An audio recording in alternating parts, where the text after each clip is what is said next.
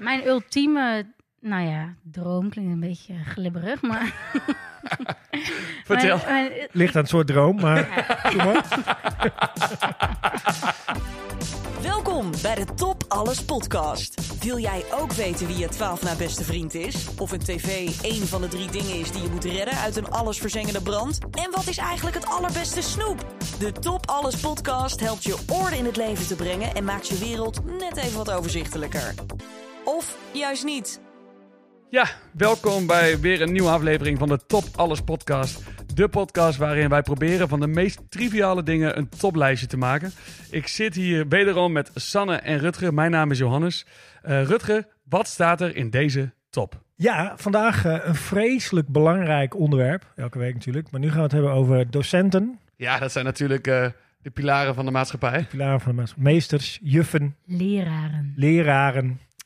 En we vogelen uit aan de hand van onze eigen ervaringen hoe je nou beslist wat de beste is. En ik ben heel benieuwd hoe jullie eh, top 10 favoriete docenten, beste docenten ooit eruit heeft gezien. Ehm, het programma, we gaan eerst even onze oude dagboeken bladeren. Vertellen wat we meegemaakt hebben zo door de jaren heen met onze meesters en, En juffen. wat hebben we allemaal meegemaakt, Zo. jongens? We hebben veel docenten gezien, toch? In ons leven, of niet? Heel veel.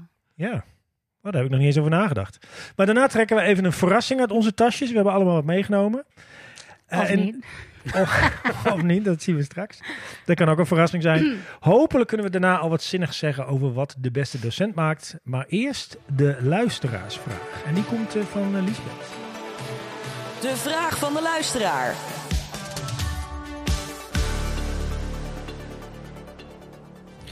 Wat ik wel graag zou willen weten, is of ik me schuldig moet voelen als ik niet heb gereageerd op een bericht. Bijvoorbeeld een e-mail of een appje. Of dat het helemaal geen verplichtingen schept dat iemand mij ongevraagd een bericht stuurt. En maakt het dan ook nog uit of het om een appje of een e-mail gaat of een ander soort bericht? Poeh. Hoe komt deze mevrouw aan deze vraag? Ik denk dat ze zich schuldig voelt. dat denk Oh, misschien kwam het omdat jij zo'n eh, mail hebt rondgestuurd Ja. naar iedereen. Ja, Oh. dat is wel even goed.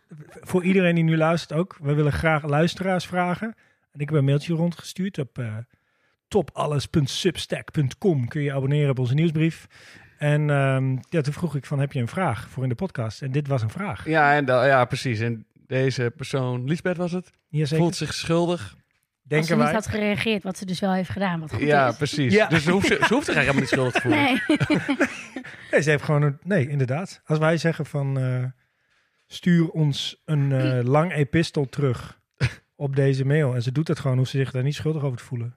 Maar zijn jullie zo? Ik ben echt heel erg zo namelijk. Om niet te reageren. Nou, ik ben gewoon iemand die dan... Dan heb ik... Ik heb volgens mij... Laat me eens even kijken. Is niet... Oh, ben jij zo iemand die ook alles bovenaan vastzet en al gemarkeerd als niet. ongelezen? Ik ben iemand met, met 800.000 onge... Oh ja. Oh, Oh, nee, echt 322. Dat is mijn vriendin ook, ja. Die eh, is ook echt eh, heel kan erg- dat niet. Ik kan er ook niet goed tegen. Dus ik Kan vind dat je je schuldig moet voelen. Oh, Nou, nee, dat Nee, vind ik niet. Nee, nee, nee, want ik vind eigenlijk, er was zo'n periode dat mensen ook onderaan hun mail zetten van, eh, je mag me alleen mailen tussen 11 uur s ochtends en 1 uur s middags. Op de Oh, rest ja. reageer ik niet. Oh ja. Dacht ik, oké, ik vind best wel goed om die boundaries te zetten. In praktijk hielden mensen zich daar dan vervolgens zelf niet aan, waardoor je dacht, nou ja, zak lekker eh, in de stront met je Ja. principes. Ik mail jou wanneer ik wil. Maar nou dat zijn, jullie zijn dan misschien van die geordende types die eh, vanaf het begin af aan het al goed doen. Zeg maar, ik heb ook al heel lang dat ik mijn iCloud nog moet bijwerken, want anders gaat al mijn foto's van afgelopen drie jaar weg of zo. Ja, ja, precies. Dan Nee, denk ik, moet, moet, moet. ja, en ik reageer gewoon vaak ook direct, omdat ik dan... Is het ook inderdaad weg. Ja, Ja. Maar de vraag is natuurlijk, moet je je schuldig ja. voelen? Ik vind dat je je sowieso niet schuldig moet voelen. Nee, absoluut Zoals niet. mijn therapeut ooit zei, eh, schuld en schaamte zijn slechte raadgevers. schaamte ook. Sch- schaamte ook. Schuld en schaamte zijn slechte raadgevers. Ik ben benieuwd of zij dat ook gezegd zou hebben tegen een, een streaker bijvoorbeeld. Schuld en schaamte zijn slechte raadgevers. Maar ik denk Ja. dat in general dat wel klopt. Dus het antwoord is eigenlijk nee. Want, Nee. Ja, want het is niet, jouw, het is niet jouw schuld ook nee. dat jij dat berichtje krijgt. Als iemand naar je Ja. schreeuwt vanaf de andere kant van de straat, moet je dan reageren? Ach ja, het is wel netjes als je het wel even Ja. doet. Dus, ja, hij schreeuwt of hallo zegt. Ja, ik deed bijvoorbeeld gisteren met dacht, ik dan hoef ik niet te reageren. Maar als zegt hij, hey, mooi Johannes. Oh, dat is wel een Ja. goeie. Want stel iemand zegt, ehm, hey, super gefeliciteerd met je verjaardag, maar ik hoorde dat het niet zo goed met je ging. Eh, hoe is het nu met je? Ben je dan verplicht te reageren? Moet Nee, je bent nooit verplicht om te reageren. Nooit. Nee, Mm, nooit. nee, maar, maar het is wel netjes. Het ligt ook aan hoe hoog diegene in je vriendenranking Ja. staat. Maar het Ja. ligt ook een beetje aan hoe je ziel werkt. En bij mij komt er dan nog een extra last op mijn schouder. Zo van...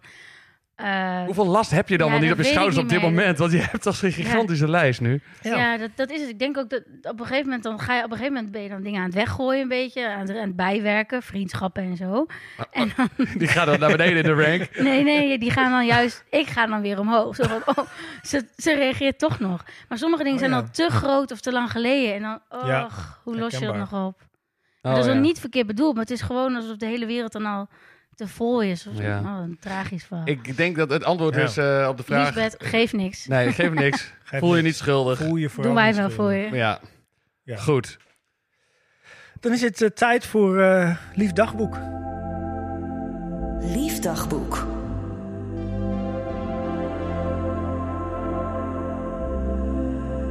Oké. Docenten, leraren.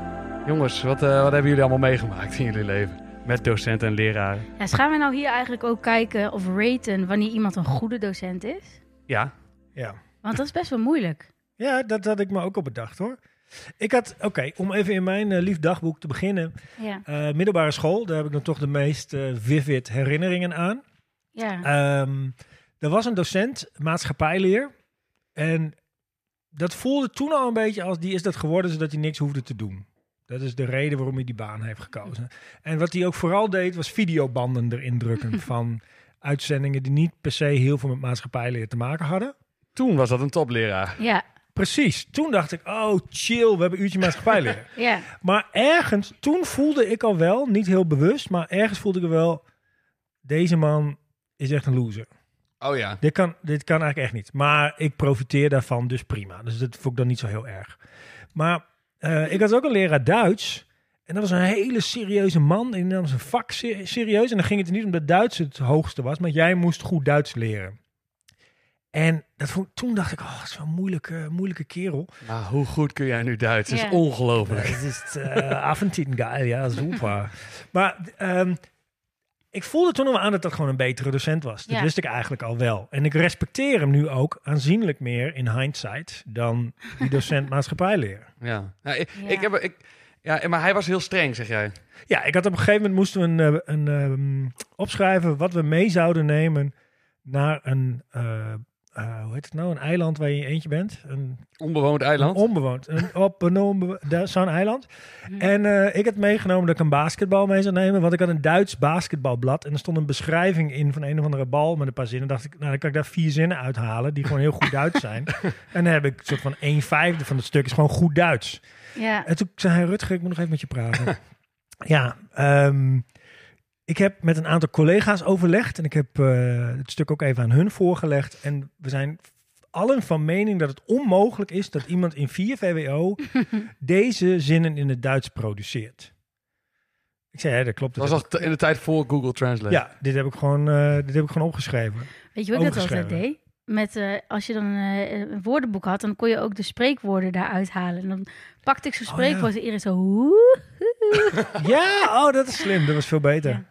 Dat is less traceable. Ja. Maar goed, toen uiteindelijk moest ik dus van hem een brief schrijven eh, dat mijn wasmachine stuk was en dat ik garantie wilde. Oh.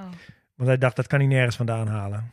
En dat vind jij dus nu een topdocent, zeg maar. dat, dat was echt een topdocent. Ja. Ik, ik heb één keer eh, eh, een vrouw gehad die gaf eh, verzorging. Was dat een vak? Heette dat zo? Ja. En ja, want wat, wat maakt dan een topdocent? Ik vind het een beetje... Want ja, streng. Ik weet niet of dat altijd werkt bij Nee. iedereen. En, en deze vrouw, Nou, eh, ik, kreeg, ik kreeg zo'n zo'n zo'n ik kreeg zo'n vlassnorretje. Toen ik in de eerste... Jij of die docenten? Ik kreeg, kreeg dat van Oh, haar. jij kreeg. Ik kreeg het, ik kreeg... Mijn lichaam produceerde een vlassnor. Oké. Hij is nu mooi volgroeid, maar Ja. toen, als je dan 13 bent in de eerste klas, dan kregen we dus een vlasnorretje. Ja. En eh, zij, zij zei, je moet je moet je gaan scheren. En, eh, zo van, of, nou, het hoorde bij verzorging. Zo van, nou ja, Ik heb nooit het vak verzorging gehad, maar dat ging echt Ah. over dat je je tanden nee, moest nee, maar, leren nee, maar was- zo. nee, Nee. eh, ja, ook eh, seksuele voorlichting geloof ik. En ook... ik herinner alleen de mondhoeken van die vrouw. Kun je die niet heel goed verzorgen? Nee, die hingen naar beneden, maar niet maar next level, zeg maar zo. Niemand ziet het, maar we maken wel even een foto voor de socials. Ja. Dan, Zo. we, dat Ja. doen we straks. En dan Ja. zie je zo, dat vond ik, ik dacht, hoe kan dat? Hoe kan dat nu al? Hoe oud was ze dan? Ja. Ja, in mijn beleving gewoon heel oud. Gewoon bijna Oh, ja. met pensioen of zo. Maar dat Ja, dan, kan, dan kon dat al. Dus. toen was ik 12. Maar goed, om eh Sorry, maar verhaal af te maken. Zij, zij, zij motiveerde mij om te scheren. Toen had ik dat eh, gedaan. Maar gewoon, ze was meer was verzorging en ze deed het heel luchtig. Het was niet zo van, ja, moet je scheren. Maar Ja. het was... eh, en ik had het gedaan en toen had, was, had het opgevallen of zo. En volgens mij was het een paar weken later was Sinterklaas. Ja. En eh, er was een hele schoolkantine is het vol met iedereen Sinterklaas. had En sommige leer- leerlingen werden naar voren geroepen. Toen werd ik naar voren geroepen en toen kreeg ik een cadeautje van Sinterklaas. En dat was eh aftershave. Oh. Met, het, met het verhaal van, oh, ja, Oh. we hebben gehoord dat je goed hebt geschoren. Oh. En, en toen dacht ik, dat had zij helemaal opgezet natuurlijk. Maar dat vond ik een hele leuke manier. Ja. Oh, dat is grappig, hè? Want dit kan dus gezien worden als van... Oh, iemand is super betrokken bij jou. Maar je, kan het, je zou het ook als een soort shaming kunnen zien. Ja. Nee, het, was, het oh, voelde had ook... een snorretje. Nee, het voelde Oh. heel leuk bedoeld allemaal. Het Ja. voelde, en ook, Ja. ook de aanloop van dat ze me ging motiveren. Daar was al een beetje lolligheid over. Van, Ja. eh, moet je, moet je, je snorretje eh, scheren of zo. zo. Maar dat is niet, niet, niet, niet kunnen Ik heb dat onthouden en ik vond het, ja, weet ik, ik vond het heel leuk. En dat vond eh, wat ik bedoel is, zij zorgde ervoor dat er, dat er een soort eh, leuke, leuke vibe ontstond in de klas. Waardoor Ja. je ook eager Ja. was om te leren en zo. Is dat dan ook de eerste docent slash juf, meester waar je aan denkt? Als je... Nee, want ik weet niet eens meer hoe ze heet of hoe ze eruit ziet. Maar ik weet ja. alleen vooral dat moment nog. Oh, Maar ja. ik weet wel dat ze dus dat, dat creëerden. Maar ik kan me niet meer erg goed voor de geest. Want wie, is, wie is de eerste juf, meester, leraar, docent die jij voor je ziet als je dit woord hoort? Als ik docent hoor, Ja? ja, dat is, goed, dat is een goede vraag. Want ik, ik heb een beetje een fragmentarisch geheugen. Hebben jullie dat niet bij, bij docenten? ja, ja. ja. Dan denk ik aan van de eerste klas. En dan weet ik alleen nog dat iemand boeken door het lokaal heen smeet of zo. Ja, Dan denk ik, die persoon is in mijn hoofd gereduceerd tot dat. Ja. ja. Heb je Oh, niet ja. dat een basisschooldocent of leraar eh, dat die veel meer blijft hangen? Omdat die, die had je Ja, een jaar je lang fulltime. tijd. Dus als je mij vraagt aan een leraar, dan denk ik direct aan eh, een, eh, meester Klungel. Of, eh, Oh ja. Het zijn-? Sorry? Heet hij echt meester Klungel? Jazeker. Oké. Helder. Nee, hij heet de Vries, maar hij, Nee, nee, meester Klungel. Ja, ik snap Ja. het. Perfect. Normaal- Daar maak je normaal als eh, leer- leerling maar grapjes over. Nee, hij heet echt meester Klungel. Maar ik heb er wel goed over nagedacht. Over, ehm, omdat ik ben natuurlijk zelf ook docent en jij ook en jij. Ik heb een jaar, dat nog niet gelukt. ik ja? heb een jaar lang eh, geschiedenisdocent gestudeerd. Ja. En ik heb voor Ja. de klas gestaan. Oké. Maar als ik, eh, ik weet nog leerlingen van mijn, of eh, docenten van mijn, van eh, de, het eerste jaar van de middelbare school. Toen dacht ik echt van later, wat zonde dat ik die mensen niet meer zo goed herinner, want toen was ik nog maar twaalf. Ja. En, en die, je, ontha- je onthoudt eigenlijk die bovenbouwdocenten het best, Weet ik niet hoor. omdat het het laatste is. Het is Eh. ook wel, er zijn gewoon docenten die heel erg 13 in een dozijn. Ja, Zijn. Ja. En die blijven niet. Ik had in, het, in de eerste klas kreeg ik Frans voor het eerst. Nou, dat was al. Je ging van je dorp naar de stad om Ja. naar de middelbare school te gaan. En dan kreeg je Frans. En het was dat een man. En eh, die, die, die, als het niet stil was in de klas, dan stond iets met zijn rug naar de leerlingen toe. Als het niet stil was, dan bewoog hij alleen zijn schouderblad zo. en dan, als het niet meteen stil werd, daardoor dan zei hij kaken op elkaar. en dat hielp. Ja, dat maakt niet uit. Die man werd een soort. Het, het was een soort levend stripfiguur. Ja. Zeg maar. Ah, ja. Het was zo'n archetype van een mens waar er maar één van bestaat. En Ja. nou, die had ik in de eerste, dus die is blijven hangen. En een heleboel uit de bovenbouw zijn ook niet blijven hangen, omdat ze niet zo'n indruk maakten, omdat ze niet zo anders waren dan anderen. Maar sommige indrukken die ik heb overgehouden aan mijn verleden, die gaan meer over, een beetje, een beetje egocentrisch, maar een beetje over mijn eigen beleving met die persoon. Tuurlijk, ja. Zo van, ik had een keer bijvoorbeeld juf Anneke, die had ik in groep 2. Shout-out naar juf Anneke. Ja, Anneke Like en Matte. subscribe. Maar Anneke, eh, ik weet eigenlijk niet meer zo goed wat zij nou precies zelf deed. Ik weet alleen dat ik een keer vier blokjes uit de blokkenhoek moest meenemen van mijn vriendinnetje. En toen had ik die bij, mij, eh, bij mijn eh, legging of zo aan de zijkant ingedaan. Was vier van die bultjes. En toen was ik daarna met mijn broertje aan tv kijken. En toen dacht ik, oh, vier blokjes. Nou, gaf ik aan mijn broertje. En toen zei mijn moeder en mijn vader, wat, wat heb jij daar? Wat, wat is dat? nou, hoe kom je eraan? Dat was uit de blokkenhoek. En toen moest ik van mijn vader, want die was ook meester op die school, moest ik naar juf Anneke, s'avonds, om die vier blokjes terug te brengen. Ik heb echt zitten Wow. krijzen. Zijn hier, Krijzen. zijn hier foto's van? Nee.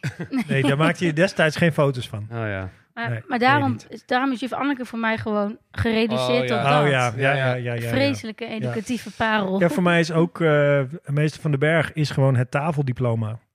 Dat je het tafeldiploma Oh, ja. moet halen. Dat is gewoon meester van Ik de heb, berg. ja, ik heb dat niet gehad, maar ik kan me er wel iets bij voorstellen. Jij hebt het nooit gehaald, ik, heb geen, ik heb tafeldiploma? geen... Nee, ja, ik, ik wist... Ik, heb jij een tafeldiploma? Ja, maar misschien betekent dat dat jij heel slim bent. Nee, maar überhaupt kregen wij geen tafeldiploma. Wel een Oh. veterstrikdiploma, maar... Maar ik heb voor de vriendinnen, die, was, die is zo slim, dat zij niet begreep dat je op een gegeven moment met de, tafels liggen, dat je dus echt iets moest leren. Dat, dat zij niet, zij vanaf de tafel van 6, 7 heeft ze gewoon nooit, Ik ook niet. Dat heb ik ook gehad, ja. Ik heb, ik, dat zat gewoon... ja, dan moet, ik moet toch niet gaan zitten en iets moeite doen om iets te onthouden, dacht zij. Ik snap toch al Ik- gelijk. Het was het, ik, Ja. tot, tot inderdaad 7 en 8. 7 en 8 we- werden een beetje moeilijke tafels. Ja. En 9 was wel weer makkelijk, omdat je Ja. al Ja. logischerwijs dan... Dat Min er af- 9. Ja, precies. 60 bij 9. Ja. Maar- 9. Ik, ik, eh, nee, ik had het hetzelfde. 7 en 8 heb ik al het enige waar ik even- heel eventjes... Maar wij waren begonnen, we beginnen met tafels bij, bij in groep 4 of zo, groep 5. Ja. En, en, en, en iedereen was nog bezig met tafels in groep 7 en 8. En ik, en ik het was me altijd nog gewoon zo... Ik schreef het gewoon Ja. op in plaats van dat ik het moest rekenen of zo. Maar, Je leert het op de wc. Dan hang je zo'n ding op de wc je nou, moeder. nee, nee. Ik had, Nee, nee, hoor, nee, nee, dan maar ik weer de jarige. Nee, maar ik snap wel, het, het, het, blijft dan dus bl- gewoon blijkbaar bij sommige kids dan eh, is het al een ding, zonder dat je erover na hoeft te denken. Is- Je onthoudt gewoon het, het antwoord, zeg maar. Ja, maar nee, maar dat bedoel ik juist niet. Ik bedoel, als je dus zo, als je zo slim bent als die vriendin van mij, die, die dacht van, ja, ik hoef er voor het eerst gewoon niet over, ik, ik, ik hoef, moet voor het eerst eigenlijk wel ergens over nadenken. Oh, Ja, omdat alles wat daarvoor gezegd wordt, begreep je gewoon. Meteen. En dat was genoeg. ja, Want als iemand het dan weer vraagt, dan denk je, oh, ik weet gewoon het logische antwoord. ja, Maar bij tafels, die moet je gewoon in je hoofd stampen. Want er zit geen logica in. Het is gewoon dat je moet weten, ja. 7 keer 8 is 56. Klaar. En Ja, dan en kunnen we elkaar uitrekenen. Maar het gewoon... basismaterie wordt dat dan Ja, in je precies. hoofd. Ja. Of vind je dat moeilijk? nee. ja. Maar goed, laten we even terug gaan naar de docenten. Want daar gaat het natuurlijk Oh ja. om niet de Oh, tafels. ja. Dat is belangrijk. Ja, ik, ehm, als ik denk aan de belangrijkste docenten, zijn het wel vaak een soort van archetypen. En je hebt heel vaak twee. Je hebt een figuur die gaat, zeg maar, eh, eh, totaal naïef op zijn achttiende Duits studeren. ja. En denkt dan, oh kak, wat moet ik daar eigenlijk mee? Nou, dan word ik maar docent. Dus die vindt zijn vak heel leuk, maar zijn vak beschouwt hij dan als Duits. Ja. En niet als het lesgeven. Nee, precies. En er zijn ook docenten die zeggen van ja, ik vind het leuk om iemand iets te leren. En wat dat is, maakt me eigenlijk niet zoveel uit. Ja. Herken je dat? Eh, ja, zeker. Tuurlijk, ja. Dat, eh, maar ik, zit, ja, ik vind het heel moeilijk. In de, ik zit heel veel in de middelbare school te denken, maar ik heb natuurlijk nog andere opleidingen ge- gedaan. Ja, misschien een kleine disclaimer doen hier. Ja, klein, ja, eh, de Rutger Middendorp hier is eh, mijn docent geweest. Maar dat zijn natuurlijk wel de docenten... Sanne was dan weer mijn docent. de klopt. basisschool. Hoe oud ben jij nou? Ik dacht dat... eh, Dat was in de vorige leven, was dat. Nee, maar ik, eh, eh, die docenten onthoud ik natuurlijk het best. Want daar heb ik Ja. eh, misschien ook het meest geleerd van wat ik nu doe Hm. op de HBO-opleiding. Ja. Academie voor Popcultuur. Maar jij zegt Even- natuurlijk, maar ik niet hoor. Want ik, bij mij was eh, bij filosofie... eh, Want jij hebt filosofie gestudeerd. ja, Ja. En dat was echt best wel spannend, vond ik dat. Gewoon dat je van die hoorcolleges, daar ging je niet zomaar wat zeggen. Oh, hoorcolleges. Maar dat is bij ons... Oeh, ja. Wij hadden productiehuizen en dan was je best wel intensief met, met elkaar Ja. bezig. En dat was wel anders dan een hoorcollege. Hoorcollege lui zou ik ook niet... Ja, maar ik, ben ook, ik was wel die lul die zijn hand opstak, zeg maar, in gewoon een hoorcollege van 60 man. En dan hadden Hmm. we eh, taal- en cultuurkunde. Ach, hoe heette die man? Ik ben er laatst een keer tegengekomen in de stad. En echt een... ehm, alle vrouwen die vonden hem he- een hele mooie man om te zien. Een beetje zo'n Spaanse uitstraling. En hij was slim en hij liet eh, dia's zien van kunstwerk. En daar praatte hij dan heel eloquent bij. En ik had toen opeens het inzicht dat moderne kunst ehm, zichzelf een beetje overbodig had gemaakt. Omdat het alleen nog maar over moderne kunst ging. Ja, Dus dan ging ik echt in de pauze naar hem toe en zeg ik, maar dan is moderne kunst, het slaat toch helemaal nergens meer op, want zo en zo en zo. En dan ging ik zo'n gesprek wel aan met zo iemand. En als hij daar dan toch klonk niet echt als een gesprek. Het klonk eerder als een aanval. Nee, ja, nou ja, goed. Hij was niet degene die de, die de moderne kunst maakte, maar maar ik durfde eigenlijk zelf nooit echt ergens wat op... Ik durfde altijd heel goed, overal op de middelbare school bijvoorbeeld, zat ik... Dan was iedereen heel netjes, zat ik op gymnasium. En dan was ik eigenlijk een beetje zo'n HAVO-geest. Die, Oh ja. die ook alles zei. Maar dat vonden ze dan niet zo erg, want, want dan was je ongeveer de enige die dat Ja. deed. Maar op de, op de studie, dan moest je elke dag, eh, weet ik veel, 30 pagina's lezen. En ik kan alleen maar iets heel goed lezen of niet. Dus dan had ik het heel vaak niet gelezen. En dan durfde ik, dacht ik, ja, het zal, ik, zal ik het snappen? Ik zal het oh ja. vast niet goed genoeg snappen om iets te durven zeggen. Oh ja. Ja, ja, ja het, het gevoel dat je door de mand eh, valt. Ja. Ja. maar dat was dan sowieso al zo. Maar dan, ik, alleen bijvoorbeeld toen ik, ik heb een keer een, heel, heel lang over, over kant. misschien wel anderhalf jaar, misschien nog wel langer. Een thesis over kant geschreven. En daar, dus pas over hem durf ik eindelijk iets te zeggen. Dat ik echt elke letter die hij heeft geschreven heb overgeschreven. Met de hand. Gewoon echt die drie keer. Het zijn zulke dikke boeken. Dat liep helemaal uit de hand. Maar dan durf ik het pas. Jeetje, Mina. Ja. Maar eh, we moeten toch weer terug naar die docent. Wiens, Ja. wiens schuld dit dan is. Oh ja. Want is het iemand zijn schuld dat, dat jij dat doet? Of, eh, Nou, de vraag is natuurlijk wel... ehm, voor wie zijn de docenten docenten? Ja, ja. Dat, dat heb jij natuurlijk ook en ik ook. Hey, dat is wel een goeie hoor. Want in de rol van docent heb ik dat zelf ook wel meegemaakt. Dat je hebt studenten waarmee je een hele goede klik hebt. En dan gaat Ja. het bijna vanzelf om iemand iets bij te brengen. Want iemand is leergierig, die wil ergens mee aan de slag. Daar help je zo iemand mee. En dan denk je, nou, Ja. ik ben een supergoeie docent. Maar degene die in een hoekje gaan zitten, die stil zijn, die thuis blijven misschien soms zelf. Heel om- vaak zelfs, ja, de academie. ja. En om die te ehm, benaderen en mee te krijgen, is eigenlijk een veel grotere uitdaging. En dat is veel ook jouw- moeilijker. Dat is, ook, dat is ook de uitdaging van de docent dan, om Ja. die, die juist erbij te betrekken. Hier wel die verantwoordelijkheid. Maar is het uiteindelijk ook zo dat bij een docent moet je toch gewoon helemaal vrij voelen en dan eh, die moet je ook motiveren om iets te willen leren op een, denk ik, vaak speelse manier, waardoor je gewoon eh, iets, eh, Ja, iets maar het is doen. best wel een topsport, vind ik zelf. Ik ben er nog helemaal niet uitmuntend in of zo, nog lang niet. Want ik vind het, we zijn dan, heb je, el, moet je nagaan, heb je elk, elke 50 minuten heb je 30 andere kinderen. Hmm. En die moet je dan, die wil je zo graag allemaal wel leren kennen om te begrijpen hoe ze leren. Om te begrijpen, nou ja, hoe je daar, maar dat kan eigenlijk niet in die tijd. Dat kan gewoon niet. Nee, precies. Dat, maar daarom, ik zit, Nee, nu- en- ik zit nog heel erg nog bij de academie, want omdat we dan veel langere lessen hadden, zaten de hele ochtend, de hele dagen Ja. samen met een eh, productiehuis. En op de basisschool, daar had je dus ook één eh, leraar. Waar ik heb bijvoorbeeld, nou, dat vind ik dan een hele slechte leraar, want of, eh, er was een basisschoolleraar die, ik had vroeger, nou, een heel lang verhaal, maar een eh, oogontsteking. Eh, vier jaar lang ook. Nou, Dat vier is echt een lang verhaal. Nee, maar, Vier jaar. Nee, het is, een, het, is een, het is een heel lang verhaal hoe, hoe, dat, hoe dat allemaal ontstond. Weet ik veel wat het dan was. Maar ik had vier jaar lang oogontsteking. En daar zat ik ehm, altijd met een zonnebril en een pet op in de klas. Want ik kon niet tegen het licht. Oh, wat Ja, vreselijk. het was echt was, was een hel. Maar er was één... Op een duur kwam ik bij één leraar in de klas. En die... eh, van hem, die, die ging mij een beetje dwingen om die, die pet en die zonnebril af te doen. Maar ik had allemaal rode ogen met pus en shit. En eh, ik, moest, ik zat echt zo fucked up eh, tegen al het licht kon ik echt niet. Maar ik zat wel in de klas. Maar ik bleef ook best wel veel thuis. Omdat ik daar ook heel veel last van had. 's ochtends en zo. Maar goed. En hij ging mij dwingen om de, om de pet af te doen. En zonnebril af te doen. Terwijl die TL-bakken zo brandden in mijn ogen. En ik zat er. Hij doet dat ding af. En, ik, en hij, maar hij dwong me echt. Dus ik zat er.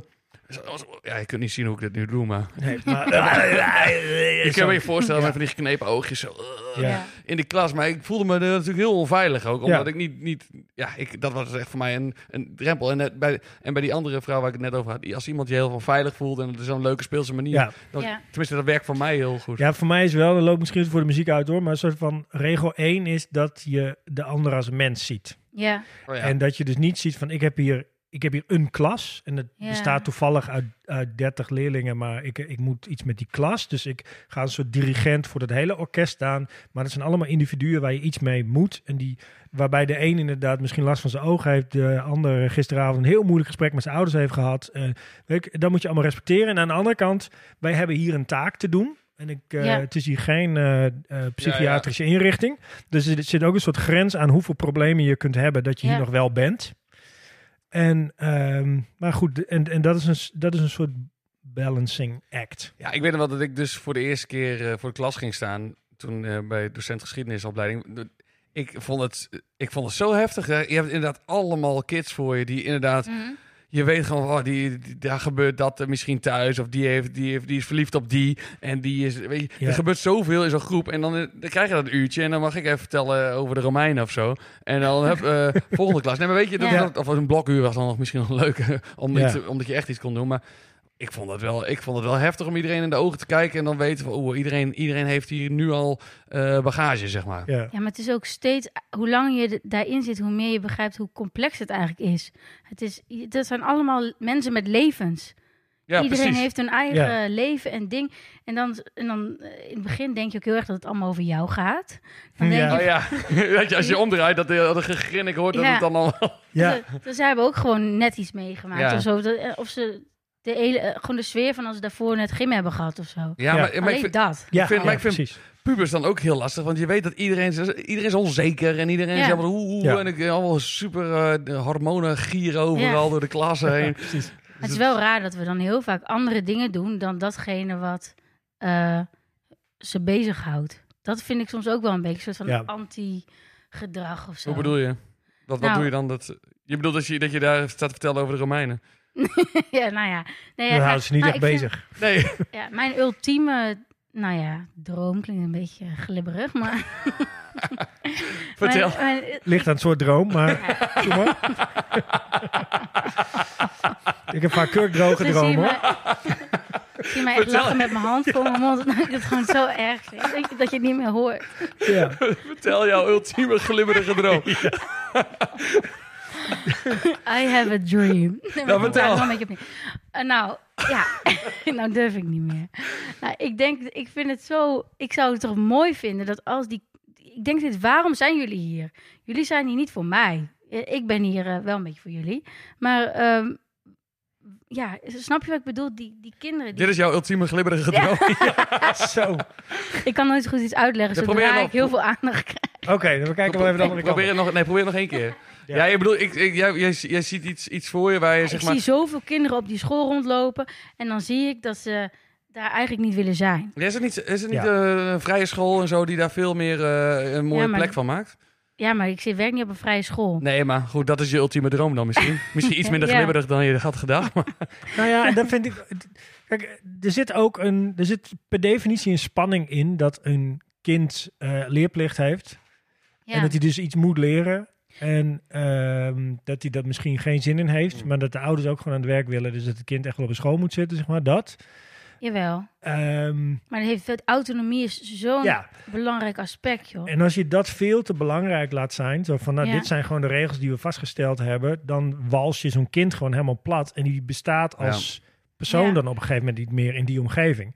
En ik vond dat ook best wel gek. Dat er dus eh, kinderen waren die tegelijkertijd bij mij op de middelbare school hadden, hadden gezeten. En ik vond de middelbare school echt prima. Ik ook. Ik had allemaal manieren verzonnen om me daar te vermaken. En het lukte wel aardig. Blowen. Maar nee, dat deed ik dan weer niet. oké. Nee, gewoon Dat, dat altijd- was mijn manier om me te vermaken. net tot op het randje klieren, zeg maar. Dat ze je er net niet uit kunnen sturen. Oh ja, Ja. oh ja. Net nou, niet. Mij stuurden ze er allemaal direct uit. Oh ja, nee. Dat, dat, was, mijn, eh, dat was mijn hobby dan. Ik was wel een beetje, ik was een dus- beetje de, de, de, de, de guy die ook een beetje alternatief eruit zag. Ik had een half lang haar en zo. Dus ik was ook altijd de- degene die ze, die ze als eerste eruit stuurde. Dat ik jij die pusogen nog steeds had. Nee. nee, daar was ik al vanaf. Weg met die gore ogen. Weg uit mijn klas. Nee, maar er waren dus andere leerlingen die hadden tegelijkertijd op school gezeten. En die zeiden, oh, dat was de vreselijkste tijd van mijn leven. Ja, Ja. nou ja, denk ik, precies. Ja, Was lachen het? toch? We waren toch op dezelfde plek? Ja, Ja. maar dat maakt dus geen donder uit. Nee, ja, dat is allemaal... eh, En dat is wel... eh, ja, dat, dat zou je schrijnend moeten vinden als eh, docent, denk ik. ja. Maar het is ook, denk ik, in realiteit bijna onmogelijk om van alle 30 kinderen te weten waar ze, ja. waar ze zitten. Maar Ja. er zit wel een groot element van verdragen in. In Ja. zowel eh, wat, wat wij deden, denk ik. Want het was ook wel verdragen. Ook, Oh ja. ook wel lol, hoor. Strategieën verzinnen om, om gewoon die tijd uit te zitten. Ja. ja. En dan, eh, de, maar de leuke dingen waar, waarvan je het gevoel hebt dat je leeft. Ja. zo traag. Ja, precies. dat ging niet over wat, eh, wat iemand waar nou ook weer heeft verteld. Ik weet precies Nee. nog. Ik had bijvoorbeeld meneer Flurker. Dat was gewoon een coole gast. Die was van Latijn en die, die eh, Latijns. Latijns. Oh, ik verstond de tuin, maar Latijn, oké. Die leefde echt voor zijn vak. Ik weet Ja. niet, die had Oh die heb van die mensen zijn zo bevlogen. En eh, uiteindelijk ben ik echt best wel een beetje een eh, kneus geweest met hem trouwens. Want ik had, op een gegeven moment was ik zo nerd dat ik eh, met hem een wedstrijd was aangegaan. Dat ik elke, elke schriftelijke overhoring een 10 zou... Als ik elke SO een 10 zou halen, dan zou hij mij een bos bloemen brengen aan mijn huis. En toen was het op een gegeven moment zo. En toen stond hij daar. Toen dacht ik, wat heb ik gedaan? Ik ben een dikke kneus. Fucking nerd. En wat een creep. Ja. ik zeg het er maar, quad licet jovi, non licet bovi. Hè? Maar even daar, want ik, ik, ik heb wel een leuke vraag voor jullie. Want ik, eh, Dat ik- was ik in goosnaam aan het vertellen trouwens. Ik ben gewoon... Ik, ik, ik ga zo... Nee, eh, nee, maar je ging naar meneer Flurken. Oh, dat vond ik wel een goeie. Want dat eh, ging over, dat was iemand die zo enthousiast was over zijn vak, Ja. dat hij je meekreeg daarin. En Ja. als, je, als je dus ziet, want het onderwijs eigenlijk ook een soort eh, spanningsveld is tussen dat je iets moet en dat je iets moet leren en Ja. dat, maar dat je ook mensen nog een beetje mens wil laten zijn, dan kun je dus heel erg luisteren naar dat kind. Maar je kan ook voor, de, voor ze uit gaan Ja. lopen en iets heel enthousiast doen en hopen dat ze meekomen. Ja, precies. Ja, dat is die- wel belangrijk. dat zijn twee Je bewegingen. kunt ook niet altijd alle 30 kids zeg maar enthousiasmeren voor Dat jouw vak. onmogelijk. Ja, en sterker nog, je weet soms niet van tevoren wat je wil weten. Nee. nee, maar goed, ik had dus bijvoorbeeld een Huh? docent economie 2, had ik. En eh, daaraan kon je, hij had ook zo'n bril die vanzelf meekleurt als zonnebril en gewone oh bril, ja, weet je wel? Is dat Anneke Nou. Matser ook. Ja, Anneke. ja Is dat die ene van die blokjes? maar... Anneke voor- Matsen. Man en paard. Ja, precies. Laten mensen bij de naam noemen. Maar die man had het gewoon, die had het, die had het opgegeven in het leven al. En die, die had Vanwege die bril? Nou, nee, dat was een, iets wat heel goed paste bij dat karakter, zeg maar. Maar hij had gewoon zelf niet zo heel veel lol in zijn werk. Hij vond zijn Ja. vakgebied volgens mij ook niet zo super interessant. Hij schreef op een gegeven moment ook niemand meer op die absent was. Dus de helft van de klas was gewoon leeg. En hij had daar dan verder wel vrede mee. Nou, Oh. ik zelf als leerling dacht ik dan ook, pff, ik wil Ja. hier toch niet zijn. Ik, wil niet, ik heb wel iemand nodig die enthousiast is over zijn vak. Dat oh nee, ik, ik heb het ook een keer met zo'n leraar gehad, maar dat vond ik echt zielig. Ja. Toen, ging ik, toen vroeg ik aan hem, toen op een gegeven moment ging hij zo'n, wij hadden dan een christelijke middelbare school, ging je van tevoren, ging je elke eerste les de zoutkorrel lezen. Oh ja. Jezus, ja. En toen ging hij dat ook doen en toen moest hij ineens huilen en niemand deed of zei wat of zo. Oh, Oh, Oh, dat is wel mooi. en toen ging ik daarna... Mooi dat niemand dat les. deed. Ja, Ja? Nee, ja, of? Nee, nee, setting. dat moment gewoon. Ja. Ja. Dus hij, hij leest iets stichtelijks. Ja. En eh, d- op deze manier wordt u gered. Nou, En dat er dan gewoon... dit- Maar ja. niemand zei wat. Ja. En toen, toen vroeg ik daarna, of zo, toen moesten we aan het werk, toen vroeg ik of het wel goed met hem ging. En toen eh, moest hij nog meer een beetje huilen. Toen dacht ik, wat erg. Deze man is gewoon, niemand vraagt hem. Nee, Docent zijn is best wel een eenzaam beroep. Ja, ja, ja. ja. dat klopt. Ja. Hey, maar eh, ik, ik wou nog even... je- er kwam een docent, kan bloemen brengen bij jou. Oh ja. En jullie zijn allebei eh, best wel de, eh, docent. Ehm, Behoorlijk docent. ehm, zijn jullie wel eens verliefd geweest op een docent? Of zijn jullie wel eens verliefd geweest op een leerling? Of is wel eens een leerling verliefd geweest op jullie? Zeg maar, is er wel, is er wel eens een... En voor het laatste, je kunt er een mailtje sturen naar topalles. Het, uh, Nee, maar, graag gewoon- weten. nee, maar ik bedoel, eh, ik, ik, ik zat er zelf... Ik, ja, nee, ik heb dat nooit... Maar je, je, bedoel, het gebeurt natuurlijk best wel vaak. Helemaal in het hoger onderwijs is natuurlijk de grens nog... eh, Ja. de- maar, Ja, mijn eh, favoriete docenten, die docenten Duits, die zo super eh, van. eh was een docent, was. Was een nee, was een vrouw? docent. Nee, Oh, was een docent. Was een meneer. was jij Nee, verliefd op? nee, daar was ik niet verliefd op. Maar die heeft een eh, relatie gekregen met iemand die die eerst in de klas heeft gehad. Heeft hij wel gewacht Hmm. tot ze, weet ik veel, twintig was of zo. Maar hij Oh, was twaalf ja. jaar ouder en kreeg daar wel een relatie mee. En het, ja, het voelt toch een beetje... Maakt dat je een slechte Ja, docent? Nee, nou, Nee, neem we dit mee, in de, mee in, de, in de ranking. Nee, ik vind wel dat er een, ehm, een soort van eh, glazen wand moet zijn tussen student Ja. en docent. En een soort van, er is in absolute zin, omdat ik deze rol gekozen heb en jij Ja. deze rol hebt, is het niet mogelijk nu of in de toekomst, tenzij ik uit deze rol stap en mijn baan daarvoor opgeef, is er eh, geen relatie mogelijk tussen jou en mij op die manier. Ja. Dat is volgens mij echt een uitgangspunt. Want eh, die spanning wil je niet in eh, Nee. een relatie. Als ik een gesprek heb met een... Er zijn nu heel veel mensen die zeggen... Ja, je moet niet met een eh studenten alleen in een kamertje eh, Ah, ja. zitten. Er moet altijd iemand bij zijn. Ik zeg, in zo'n wereld wil ik niet leven. Ik wil gewoon weten dat zij weet... Ja, Dit bestaat niet. Dit Nee, kan precies. niet. Dit mag niet. Dit hoort niet. Dit gaat die man nooit doen. Dus ik kan veilig met hem over dingen Ja. praten. ja, maar het is wel een heel ingewikkeld spanningsveld. Van, ik ben heel blij dat ik echt niet op jonge jongetjes val. Voor dat ik het ook wel... trouwens. Ja, ben ik ook, Daar ben ik ook heel blij mee ook. Ja. Oh, dat jij er Dat- niet dat op jij er valt. niet- dat jij er niet ook. op valt, dat Nee, ik er niet op allemaal niet. Ja, Maar stel je toch voor dat je, dat je wel die gevoelens hebt of zo. Ik, weet, Ja. ik kan me heel goed voorstellen als je een dat- docent bent van eh 23 en je komt net eh, stage lopen of zo. En dan zijn er allemaal prompte meisjes van, eh, van 15.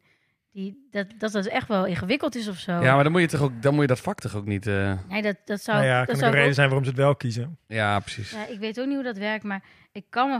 Ik probeer maar nu gewoon de advocaat van de advocaat van de advocaat van de duivel. te- van, ja, dat, wat- dat is wel...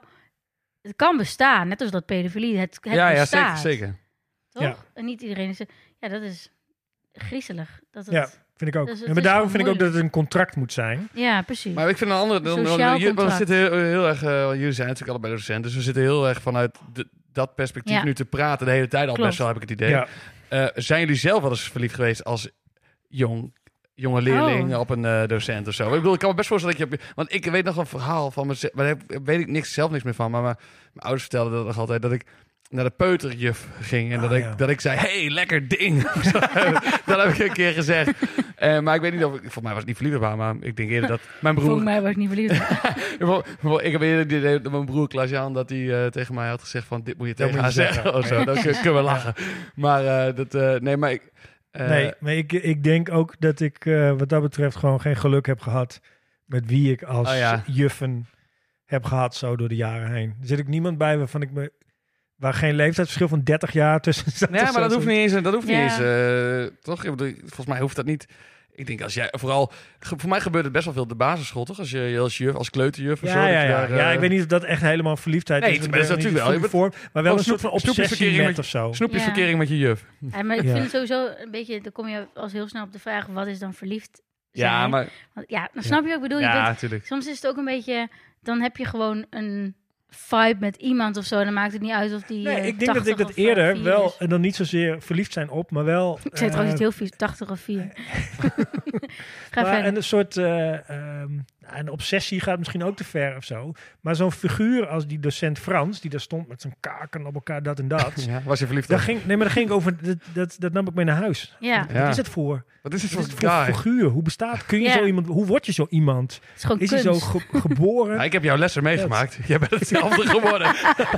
kaken op elkaar. Maar-. Ik wil eigenlijk ook wel door naar eh, wat jullie hebben meegenomen. jongens.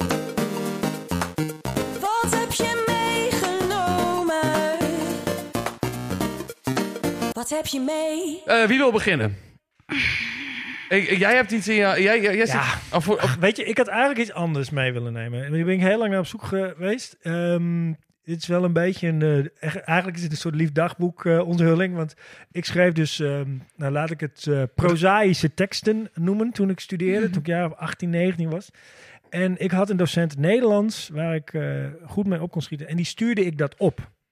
En dan eh, was het drie maanden stil. En dan kreeg ik het op een gegeven moment weer terug met een excuusbrief dat zo lang geduurd had. Dat ik het ook wel moeilijk vond om erop te reageren. En eh, met commentaar erop. En het stomme is ook nog dat ik toen in dat moment dat ik dan dacht van... ehm, keek alleen maar naar het commentaar. En nu tien jaar later denk ik, wauw, die gast kreeg dus post van een 19-jarige oud-leerling. En hij nam de tijd om daar echt naar te kijken en goed op te reageren. Want dan had ik dus een van een gedicht geschreven van 18 regels. En daar had hij 15 van doorgestreept. En toen stonden er nog drie. doorgestreept. Ja, 15 doorgestreept.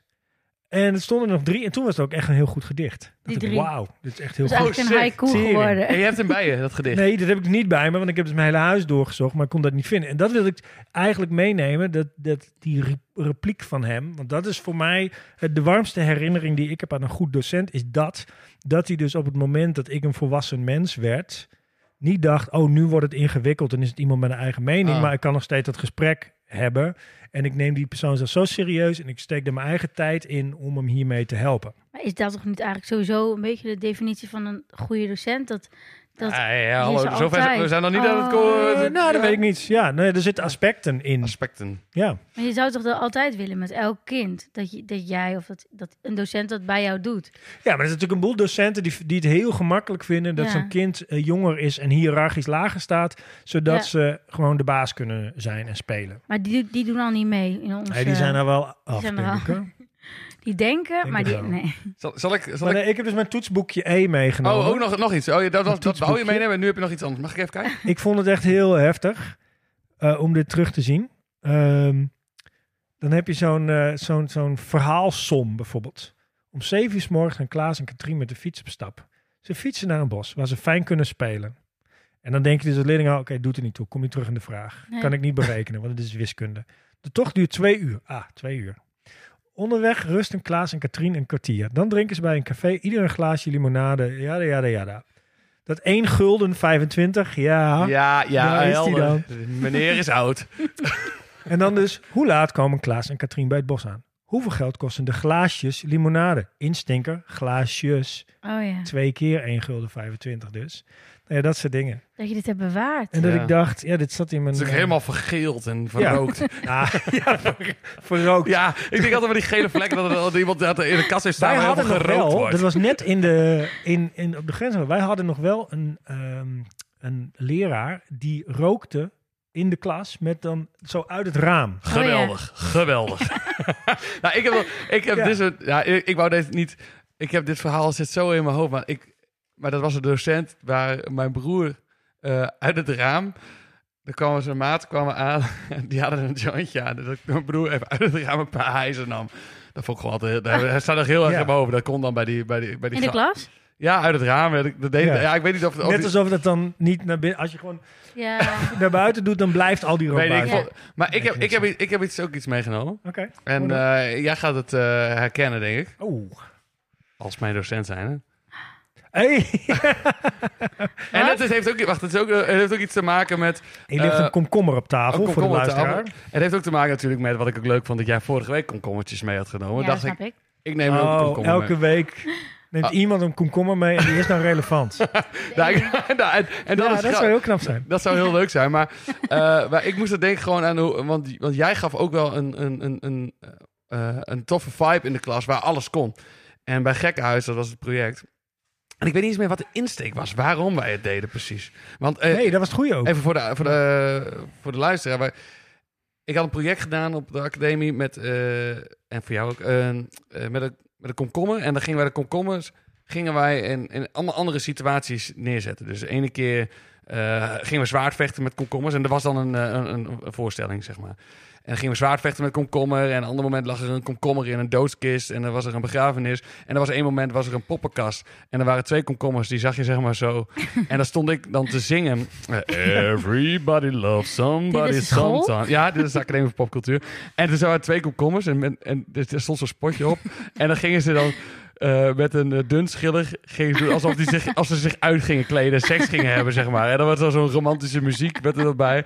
En, en zo hadden wij een hele voorstelling Ja. gemaakt. Die ging alleen maar over komkommers, maar Ja. allemaal in andere situaties. En dat was onder begeleiding van Rutger Middendorp. Echt? Heb jij, heb jij het bedacht Nee, of heb Nee, jij nee, gefaciliteerd? Nee, het ging er juist om dat iedereen denkt dan in eerste instantie van... oké, ik moet op een podium gaan staan en dan moet ik iets gaan doen. Ja. Nou, wat zijn Heel dan alle clichés die binnenkomen zijn... oké, dan moet ik dus maar een liedje bedenken of zo. En dan Ja. zet ik er maar een drumstel neer. En ik zeg, ja, zo kom je dus bij alle clichés terecht. Dus je hebt een houvast nodig, iets anders... Ja, waar je klopt, het aan ja. kan hangen... zodat Goed. je iets gaat doen wat niet voor de hand ligt. En Maar wat was Gekkenhuis nou precies? Volgens mij, wat, wat moesten we nou ja, dat je een performance moest doen. aan het Ja, een performance de- was het. Ja, Dat was het ook, ja. en ehm, eh, toen jullie, volgens mij, een van jullie die kwam echt als een soort. Nee, eh, kun je gewoon een komkommer of zo? Dat is dan goed genoeg. Dat klinkt als, Ja, klinkt als mij. Ja. een komkommer is goed genoeg. Nee, jullie hadden toch ook een jongen die had toch. helemaal- Freek, we hadden Freek, die had toch een komkommer uitgesneden uit. Ja, eh, uit hout. Dat was een, dat was een doodskist. Ja, Die had hem met een ketting. Nee, was, nee, het was niet een gewone komkommer in een doodskist. Dat was dus een... Komkommer in een komkommer? Nee, hij had hem met een kettingzaagkunst maakte hij. Maar had hij zo'n gigantische doodskist gemaakt. En daar had hij een komkommer in gelegd. En die had, ja, maar het ging, het ging helemaal, het ging helemaal, de, helemaal Ja. loco met die komkommers. Maar ik, weet, ik dacht daar ineens aan, maar het was een hele... eh, waarom ik het meeneem, om, ik denk daar nog aan terug aan dat moment. Omdat we ge- eigenlijk... eh, we, we mochten alles daar doen. En dat Ja. was ook gewoon gaaf. Ja. En we leerden toch, zeg maar. En Ja. dat, we konden gewoon met komkommers kloten. Ja. Maar we, hadden wel, we werden wel eh, zeg maar, zo gedreven om, om, om, om daar creatief mee om te gaan. En we hadden van alles eromheen verzonnen. En dat, dat, ja, dat vind ik wel... Maar dat is wel echt, dat is eigenlijk gewoon, dat is wat, wat onderwijs denk ik moet zijn. Dat je, eh, dat je die overstap maakt van... ik van- snij hem trouwens tussendoor even, even, een paar plakjes komkommer om op te eten. Want dan mochten we hoor. ook bij jou een komkommer. Snap ik, dan wordt het echt een uitje, zeg maar. ja. Stop uit je. Oeh. Hoe je gaat in de Nee, maar dat, ik bedoel dat, Oh. dat, eh, dat het overstap wordt gemaakt van dat je iets moet en dat je zo aan het verdragen bent en dat je echt denkt, oh, ik ga echt iets zelf doen. Of zo. Ja. Nou ja, in hoeverre je iets van autonomie krijgt Mhm. en je. ehm, Lekker.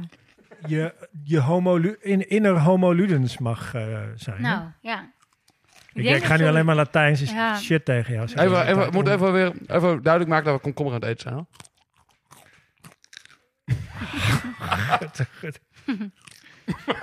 Daarom heb je maar één stukje Lekker. afgesneden van ons allemaal. Ja, we gaan zo verder met Ja. snijden. Nou, heel Ja. goed. De komkommer. Ja. Ja, ik moest ook iets meenemen, hè. Ja, Maar dat heb ik dus niet gedaan. Want ik, ja, ik ben eigenlijk een soort leerling. Terwijl je ook Oh ja, leraar je bent. krijgt een opdracht en, Een eh, opdracht, en je, pak doet, het. je doet hem niet. Ja, ik Ja. mag gewoon weer iets verzinnen. Ik had nog wel een verhaal misschien. Maar dat Misschien. is weer van mezelf als docent. En eh, dit is mijn... Ik dacht, wat is nou mijn leukste eh, verhaal uit mijn... Voor mij als docent. Dat is echt een heel... eh, best wel een gemeen verhaal. Van mij als docent. Dus eigenlijk, je, Je gaat moet nu wel- vertellen wat een slechte docent eh, ja, ja, is. maar ik vind het zelf Ja. eigenlijk best wel goed, maar ik weet nog niet waarom. Maar misschien kunnen we daar de elementen ook uit. Oké, begin maar gewoon. nou, het was coronatijd. En eh, toen eh, was het eh, echt tragisch hoe je die leerlingen op school kreeg, wel of niet. eh, überhaupt voor de camera. En eh, of dan zag, was er weer iemand zijn hond aan het uitlaten of zo. Dus ik wil de camera even aandoen. Hoi mevrouw. En dan gewoon echt, nou ja. Uiteindelijk was, ik, was er een jongen en die werkte bij de Domino's Pizza's op een gegeven moment bijna elke dag omdat hij eh, dacht, dan kan ik geld verdienen. Ja, ik hoef toch niet naar school. Doe ik gewoon eh, online les aan. Nou, toen moest hij toch echt voor mondeling bij mij komen. En toen zei hij, ik kan echt niet vrijnemen voor die mondeling. Want ik ben de enige bezorger hier in, of hier in Leeuwarden was het. En eh, toen zei ik, oké, nou, prima. Dan bestel ik wel een pizza.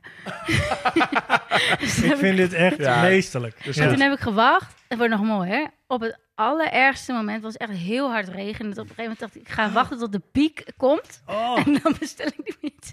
Toen kwam die jongen echt aan met een glutenvrije pizza ook natuurlijk. Dus hij moest echt een glutenvrije Ja. pizza de school inbrengen. kwam een andere docent aan, je mag niet naar binnen. Ik zei, jawel, bij mij. hij komt een mondeling doen. Ja, Dat is echt mijn nou, lievelingsmoment. Dit is toch eigenlijk Ja, ik een goede docent. Hij Ja, vond het ook wel, echt wel een die, goede Die bak. regen is een beetje sadistisch. ja, Ja, dat klopt. Dat was een Die beetje zonder- powerplay. Zonder, zonder, die, ja, zonder die regen was het een geweldig. Fenomenaal geweest. ja, maar je had ja. hem moeten zien druipen. Nee, maar ik vind ook ergens Ja, maar wel... dat is dus nee, maar, sadistisch. nee, maar dat is wel... Maar dat is ergens- misschien goed om te onthouden voor future reference. Maar Maar het is wel- iemand anders lijkt. Ja, maar die straf, die, voel me stra- die, straf, die straf is ook wel een beetje... Was ook wel terecht. is wel verdiend. Ja, verdiend. Ja. Eh, zullen wij anders even eh, gaan bellen met? Het is tijd om te bellen. Het is tijd om te bellen. Oh oh.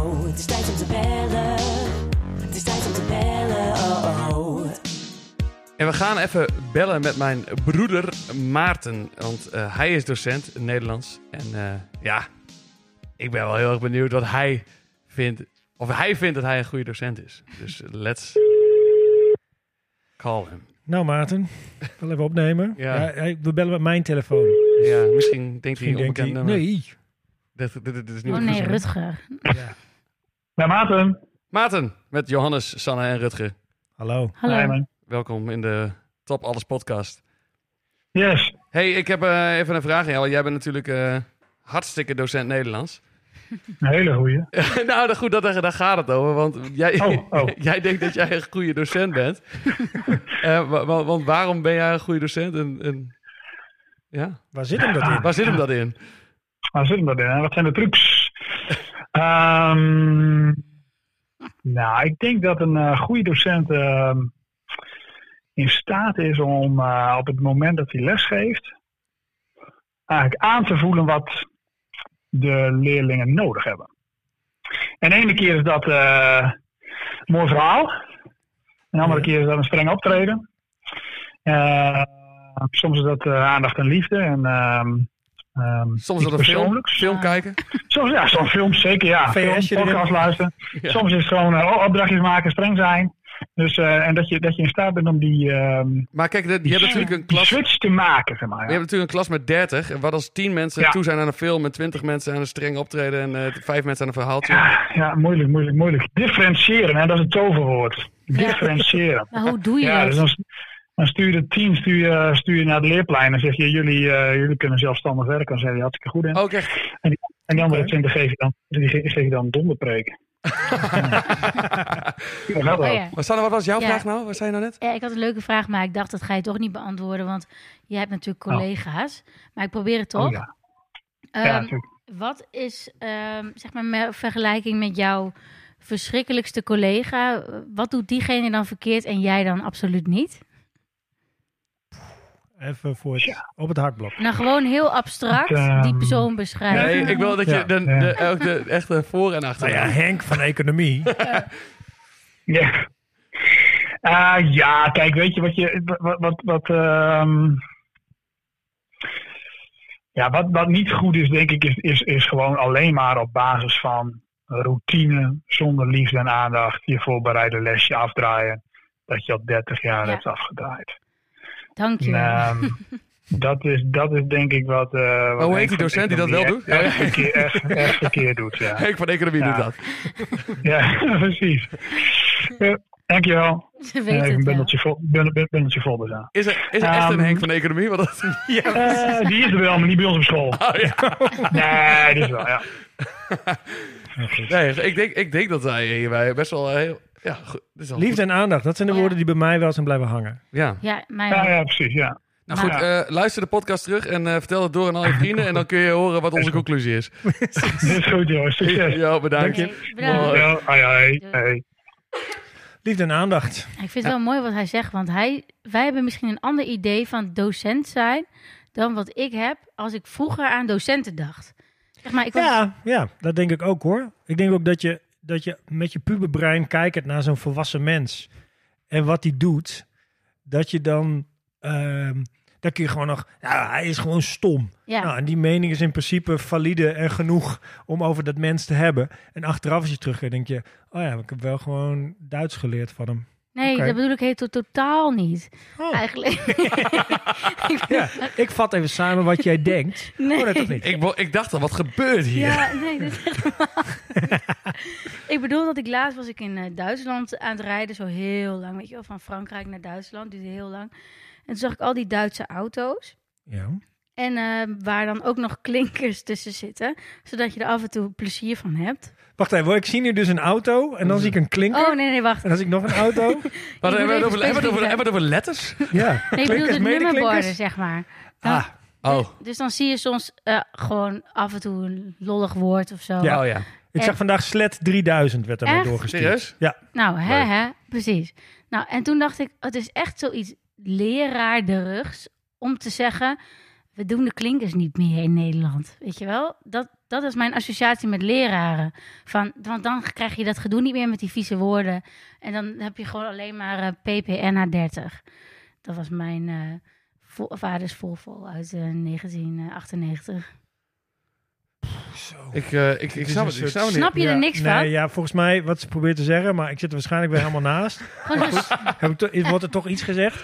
Is dat eh, de negatieve associatie die zij heeft bij docenten, is dat het mensen zijn die alle levensvreugde uit dingen willen wringen, omdat het precies moet kloppen. Nee, ook omdat het eh, omdat er niet te gek moet worden gedaan. Zeg maar ja, Ja. van oh, nu kunnen ze uit de band springen als we dit doen. Dus laten we het, de klinkers elimineren. Oké. Dat vind ik, dat was mijn. Ja, dus de mensen bij het bleh. RDW zie jij als slechte docenten. Wie zijn dat? Rijksdienst voor het wegverkeer. Die, die, be- die, bedenken, die bedenken wat er wel en niet op kentekens mag, mag staan. De RDW, als jij zeg maar Oh ja, gewoon je auto als- moet inschrijven. 21 euro, want je hebt een diesel. Dan moet je dat extra Ja dat, ja, dat is bij de RDW, ja. Ja. Goed, ehm, ik denk dat we door kunnen naar Sorry. een soort van eh, conclusie. En ik, ik vond eigenlijk Ja. dat, dat, dat Maarten daar wel... eh, Ja, eigenlijk heeft hij het gewoon gedaan. Oké, Nou, best nou, wel, bedankt. toch? Fijn Nee, dat maar- jullie geluisterd hebben. nee, maar toch... Eh, volgende week zijn we er weer. hij, deed, hij, hij deed het. Ik, ik vond, ik, toen, toen hij het zei, Ja. dacht ik al, hey, dit hebben we eigenlijk al enigszins ook wel... Ja. Nou, waar ik nog een beetje mee zit is... Ik, zou, ik wil echt heel graag mijn eigen top 10 kunnen maken na deze. Daar wil ik echt nog even voor gaan zitten. En daar heeft dan verder niemand gedaan. Maar ik vind het wel leuk, soort van je Mount Rushmore. Ja. Wie zijn nou in ieder geval de top drie docenten die ik gehad heb? En klopt dat dan met wat ik daarvan vind? Moet je, moet je die docent gehad hebben of niet? Want ik vind Maarten Peetsma staat natuurlijk ook al hoog in het lijstje nu. Nou ja, Als dit, ik dat zo hoor. nou, dat weet ik niet. Want ik bedoel, iemand kan zeggen liefde en aandacht, maar ik wil het graag voelen. Oh ja, dat, is wel belangrijk. Maar ik dat is moet mijn liefde en broer en, aandacht voelen. het is mijn broer en ik heb het wel eens gevoeld. Ja, precies. Nee, maar ehm, dan denk ik dat liefde en aandacht zijn belangrijk. Of iemand die klas kan managen, want daar heeft hij het eigenlijk over, ook over. Lukt het hem om aan te voelen wat de sfeer is, wat iemand nodig heeft. En of het misschien na anderhalf jaar COVID niet heel slim is om nu dit rijtje te stampen, maar om gewoon eh, een liedje te leren of zo Ja. met de hele klas of zo. Dat je dat aanvoelt, dus soort van je... ehm, Vingerspritsgevoel. Vingerspitsengevoel. Ja, maar dat je een soort van empathisch kan managen, die hele club. Hm. Dat is, denk, ik- en dat is nog weer iets anders dan liefde en aandacht. En ehm, dan mis ik ook nog wel een beetje die, die leraar Latijn Ja. van, jij, van jou, die echt liefde voor het vak heeft. Want dat wil ik ook voelen. Ja, dat ik moet- wil een soort voorland zien, wat ik nog niet snap. Want ik zit nog aan de absolute begin van dit vak. En ik leer net een paar woordjes. Ja. Maar ehm, die leraar Frans waar ik het over had, die vertelde dan over reizen die hij maakte. Ja, ja. Dat hij ergens op een pleintje zat en dat hij gewoon op een bankje ging zitten. En dat er dan soms iemand naast hem en dat hij dan een heel gesprek kon voeren. En dat hij zei, dan ineens ben je in die andere wereld. Dat Wij- was een reden om überhaupt Frans te willen Ja, maar we deden dat Dat- juist bij die docent Frans. Zeiden van, hé hey, eh, meneer, u bent toch ook al eens een keer op vakantie geweest naar daar, daar, daar in Frankrijk? Eh, vertel eens. En dan was je gewoon 50 minuten lang Ja. gewoon lekker. Vertel maar, vriend. Die docent even aanzetten. Ja, ja, precies. Dat was ook altijd wel lekker. Maar, Ja. maar oh, het zijn op zich al, ja, dat ja, heeft hij, die, want ik vind dat wel interessant, want ik weet, niet- ik weet niet hoe Maarten bijvoorbeeld dan eh, les geeft en in, in, of die vol passie over, over het Nederlands kan, eh, kan eh, dat weet dat heb ik nooit zo ervaren natuurlijk. Ik weet niet hoe leerlingen dat ervaren, maar dat is ook natuurlijk belangrijk. Je kunt natuurlijk wel, moet ook nog inderdaad voelen, want dat, dat is natuurlijk makkelijker bij geschiedenis. Vaak heb je Ja. docenten geschiedenis, Ja. die kunnen zo goed vertellen. En dan maakt het direct een goede, goede. Ja. Omdat je gewoon ademloos staat te luisteren naar een verhaal over... over Nee, Nederlands is in die zin natuurlijk ook een poepvak. Nou ja, moeilijker om, om zo, Ja. om zo Ja. te kunnen vertellen als... eh, Als je Maar- iets hebt met literatuur, dan kun je dat stukje kun je, kun je Ja. mensen over Maar er is ook nog iets wat ik, wat ik heel belangrijk vind, wat ik, wat ik denk dat heel veel docenten vergeten. Iemand, wie zei dat ook alweer? Ik- heb ooit eens op. Iemand zei het wel in de microfoon. Ja? Oké. Wordt hij zo eh, beleerd. Maar zijn wij goede docenten? Ja. Nou, super. Pak ik komkommer anders, kun je daarmee oefenen. Oh, ik ben altijd heel... Ik ben meteen zo emotioneel. oh, nee, nee, wat moet ik nou doen? Goed, vertel je verhaal. Oh ja, wat Ga was ik door. aan het zeggen? Oké, nou. Eh, iemand zei mij een keer, ik weet niet, het was iemand van de filosofie eh lerarenopleiding, leiding, en die zei: het, is, het allerbelangrijkste is door wie wordt de denkact voltrokken. Dat zal dan. Oh, En heel vaak, als iemand een mooi verhaal vertelt, dan is het dat diegene dat heel mooi kan. En, maar als er in, in, de- in zo'n kind niet zo heel veel gebeurt. Ja, maar dat, dat bij een goed Als verhaal... het al af is op het moment dat het bij het kind aankomt, gebeurt daar niks meer in het Nee. hoofd. En je wil eigenlijk... Dat, dat, dat een kind gaat werken of zo. Ja. Ja. Ja, maar dat is een goed verhaal. Is het dat, dat je dat ook meeneemt. Dan toch? Dat je dus dat de kind dat ook al aan het nadenken zet. Zeg maar in je verhaal. Ja, maar, maar dat alles, dat je, dat je weet, wa- wat is dan, waarom zou ik dit leren? Ja, ja, dat, is dat het verschil... Ja, mis ik sowieso ja, altijd maar- vaak wel. Maar hoe moeilijk is het om een goede docent te zijn? ja, verschrikkelijk moeilijk. Waar moet je allemaal rekening houden mee houden, man? Ja, ik denk zelf nog wel eens, ik denk natuurlijk heel veel vaak over na. Want ik geef filosofie op een middelbare school en dan denk ik, ja, eh, wat gebeurt daar? Ge- Ik geef filosofie en dan denk ik, nou, eh, wacht even, ik kan het niet meer, ik kan het niet meer doen. Wat was ik aan het vertellen? Je geeft filosofie op een Ja, middelbare maar school. wat was ik aan het vertellen? Dat... Ik heb, Ik kijk even naar de klok. Hey, Sanne, jongen. Sanne zegt, Totale wat, paniek. Wat gebeurt daar? laat maar, ik weet niet meer wat ik zeggen. Dit is... Zij Oh nee, oh nee, de tijd is voorbij. De tijd is- Jongens, pak je. Ja, de bel gaat. Ja, zo, kijk eens op dat, dat horloge Ja, dat van mij. Dat horloge van mij loopt sowieso. Ja. Het is een heel oud horloge. loopt altijd achter. En dan, nou, dan gaat de bel. Eh, volgende, doei. Ja. Goed, maar dit is wat er gebeurt. Ik keek even van hoe lang eh, zijn we al bezig? Moeten we naar Ja. de afrondende fase? En Sanne kijkt mij Totale paniek. Totale paniek. Sluit helemaal af. En eh, hiermee sluiten wij denk ik ook ongeveer eh, de podcast af. Wat onbevredigd. Wel Ja, niemand weet meer waar je het over had. Eh, luister maar even terug. Nee, eh, je kan hem even aanvullen. Want ik denk, concluderend zeggen we... een docent moet sowieso liefde en aandacht hebben voor zijn leerlingen. Ja, Die moet betrokken zijn, empathisch enzovoort. Dan moet hij ook nog de boel kunnen managen. ja, Dus je moet niet alleen zeg maar, goed kunnen luisteren... maar moet ook gewoon wel echt de baas kunnen zijn. ja. En daarin al- een, een boel... Ja, hoe moet je zeggen? eh, gereedschap tot zijn beschikking hebben... om op verschillende momenten verschillende dingen te, ja. te doen. Dus dat moet vinger op. kunnen. Dus we moeten wel Ja. Dat is even heel goed. Ja, Ik weet niet meer wat ik wil zeggen. Achter. Oké. Ehm, ik denk wel, ik denk voor de toekomst dat het beter is dat dat managementgedeelte, dat ik krijg nu, dat is nu volgens mij tot nu toe altijd nog het belangrijkste geweest. Want dat moet je gewoon heel goed kunnen als je docent bent. Maar heel vaak wordt het het individuele gedeelte, waar het volgens mij eigenlijk om gaat. Dat elk kind, nou ja, waar- hoe wordt het denk, door wie wordt het denkact voltrokken? Als je niet, dat wordt echt niet bij, bij, bij, bij 30 leerlingen, weet je dat. Dus ik, ik voor mij is mijn droom Ja, Jouw glibberige droom. droom.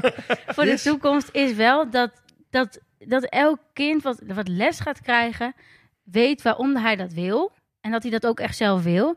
En dat dat centraal staat. En dat, dat kan niet als jij elke 50 minuten 30 leerlingen krijgt. Dan, Nee. dan, moet, dan moet meer Ja, aandacht zijn. Dat weet precies. ik zeker. Ja. Dus managen, ik vind, ik vind het leuk dat je... Ik, ik, het klopt. Maar Ja, ik zou willen dat het in de toekomst dat Ja. In het dit anders systeem was. moet het. Ja. Ja. Precies.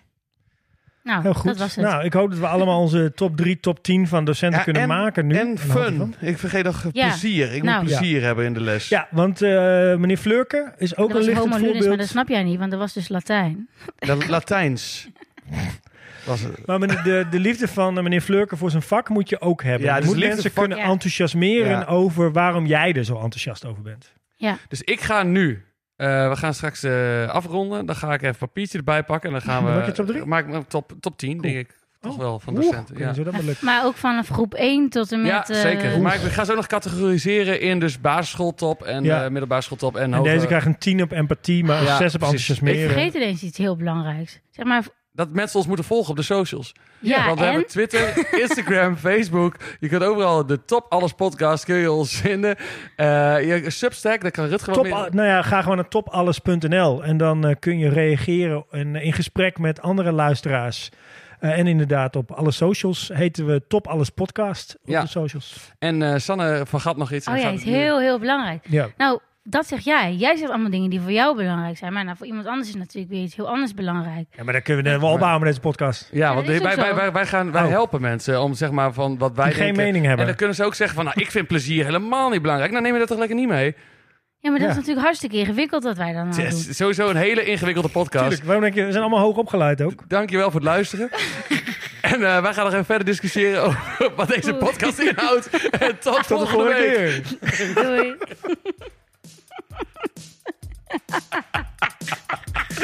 Druk op stop. Bedankt voor het luisteren naar de Top Alles podcast. Tot de volgende top.